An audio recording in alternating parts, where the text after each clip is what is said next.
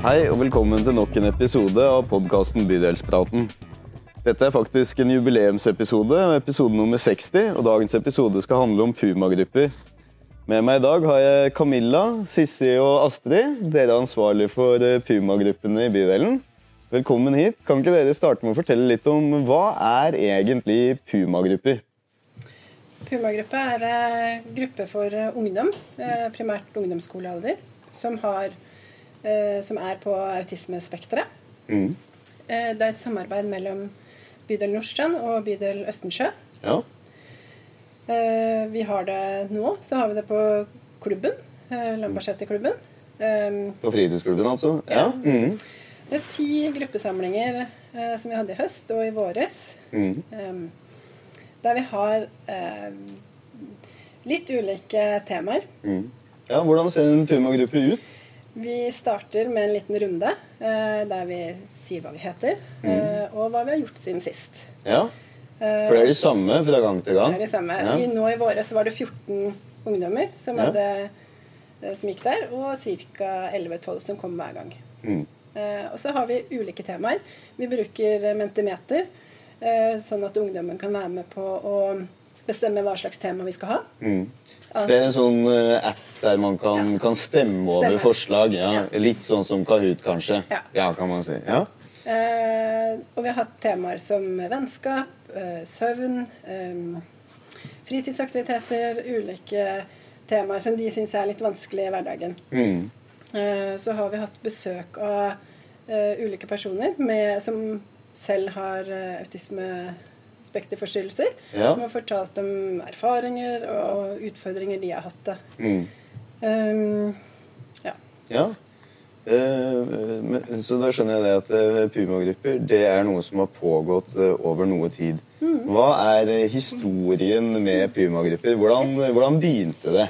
Det begynte i 2018, august. Da var det tre bydeler, bydel Nordstrand, Søndre Nordstrand og bydel Østensjø, som fikk forespørsel to personer som kunne delta på en psykoedukasjons eh, videreutdanning. Ja. Og det var Glenn kompetansesenter som ordnet det her. Og det var Helsedirektoratet som uh, hadde mm, ordnet den opplæring.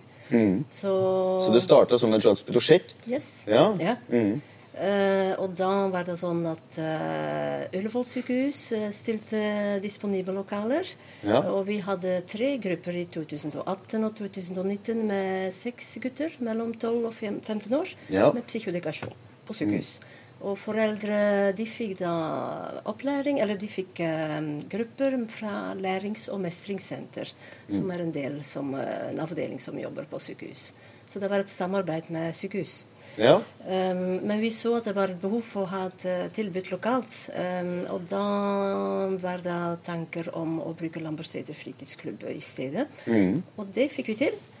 ja? Eh, og det var spennende. I 2021 fikk vi det til en første gang. Ja. Uh, og da hadde vi planlagt tolv ganger å treffes annenhver uke ute i september. Men det ble pandemi, og da klarte vi å fullføre å være ute. Men vi skjønte etterpå at uh, i 2022 startet vi en grupper ti ganger om året og to ganger om høsten. Ja. Så har litt mer kontinuitet. Og så fikk vi en grupper uh, nå om uh, våren, og da ble Kaffe Syd innblandet. Kafé Syd, ja. Mm. Ja. ja. Eh, for Kaffe Syd er jo et klubbtilbud som har eksistert på klubben en stund. Um, som er altså, litt annet enn de standard klubbtilbudene. Eh, det er det har kaféformat, du kommer der, spiser varmt måltid. Så er det litt rolig stemning, spill og gamingrommet er åpent og sånt. Ja. Um, og vi har jo sett på Puma-gruppa, jeg har vært med siden i høst, at um, det har vært De har kanskje hatt ulike behov i forhold til vi, hvordan vi har forma gruppa. Og så har de gjerne ville andre ting, eller så vi har hele tida fått tilbakemeldinger, da, så vi prøvde å forme etter det. Ja. Um, og en av tilbakemeldingene var at de ønska mer sosialt. De ønska mer at det skulle være noe som føltes Der de følte seg normale. Ehm, der de fikk trent seg på mer det å skape relasjoner og den tingen. Så det, det var derfor vi har samarbeida med Syd nå. da, Sånn at når de er ferdig å snakke sammen med den samtalebiten, Ja. så får de delta på klubben der etterpå. Ja. Og får sosial Så da er det en slags eh, ordinær fritidsklubb eh, Ja. på en måte etterpå. Mm. Men i motsetning til junior- eller ungdomsklubb, der det er masse folk og det er masse springing fram og tilbake, så er dette et tilbud som er litt tryggere og litt, litt mer lav terskel. Det er Ja. ikke like mange forventninger til deg. Eh, og da eh, man har, eh, har en Puma-gruppe, da. eh, hvordan på en måte ser den, den samtalebiten ut først? Er det dere som holder den, eller Ja? Mm. Vi er ofte to stykker som eh, har den sammen med ungdommen. Mm. Eh, Prøver å planlegge litt i forkant hva vi skal snakke om, så, Ja. men prøver å ha det mer som samtale, ikke undervisning. ja. Nei, men det eh, høres eh, spennende ut. Eh, da, eh, hvordan eh, har på en måte samarbeidet med andre bydeler kommet i stand? Ja, det kom i stand fordi Helsedirektoratet hadde innkalt tre bydeler. Og de Ja. hadde som visjon å ha noe på østside og senere på vestside.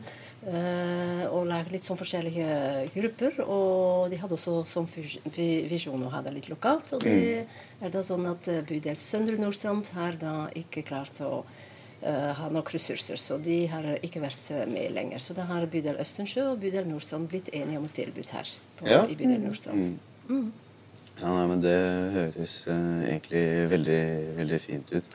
Uh, hvordan uh, rekrutteres man inn i en Puma-gruppe?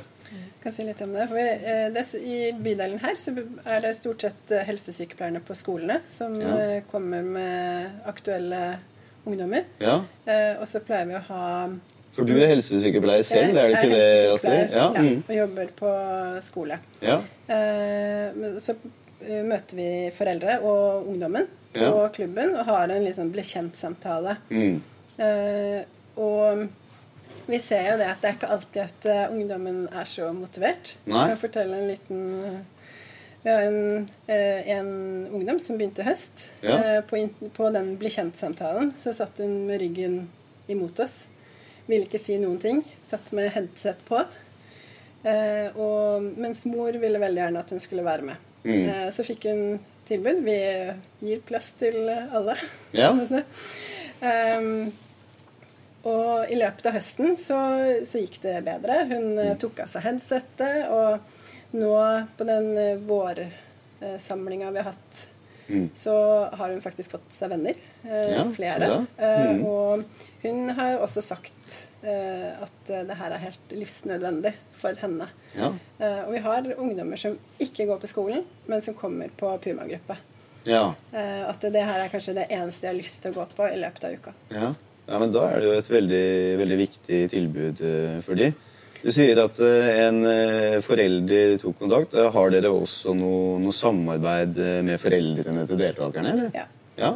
Vi har parallelt med den ungdomsgruppa, Mm. så har vi en foreldreveiledningsgruppe. Så de også får ti samlinger Ja. der foreldrene møtes. Og så Er det også på fritidsklubben? Det er også på klubben. Ja. Ikke på samme lokale, men på klubben. Mm. Eh, og Anders og Linda i Oslohjelpen er det som holder tak i foreldrene. Og så har de halvparten av, ganger, halvparten gangene med Oslohjelpen, og halvparten av gangene er bare sånn selvhjelpsgruppe der de møtes bare foreldrene. Ja. Mm. ja, men det høres ut som eh, et, et flott eh, forum, det. Eh, vet du hva? Eh, Jeg skulle veldig gjerne hørt enda mer om eh, Puma-grupper og psykoedukasjon, var det det det heter? For det synes jeg var et veldig spennende begrep. Men dessverre så ser jeg det at vi begynner å, å slippe opp eh, for tid. Så takk til dere, Camilla, Sissel og Astrid, som kom og fortalte oss om eh, Puma-grupper. Takk til dere som eh, hører på også, og podkasten Bydelspraten er tilbake om eh, to uker med episode 61.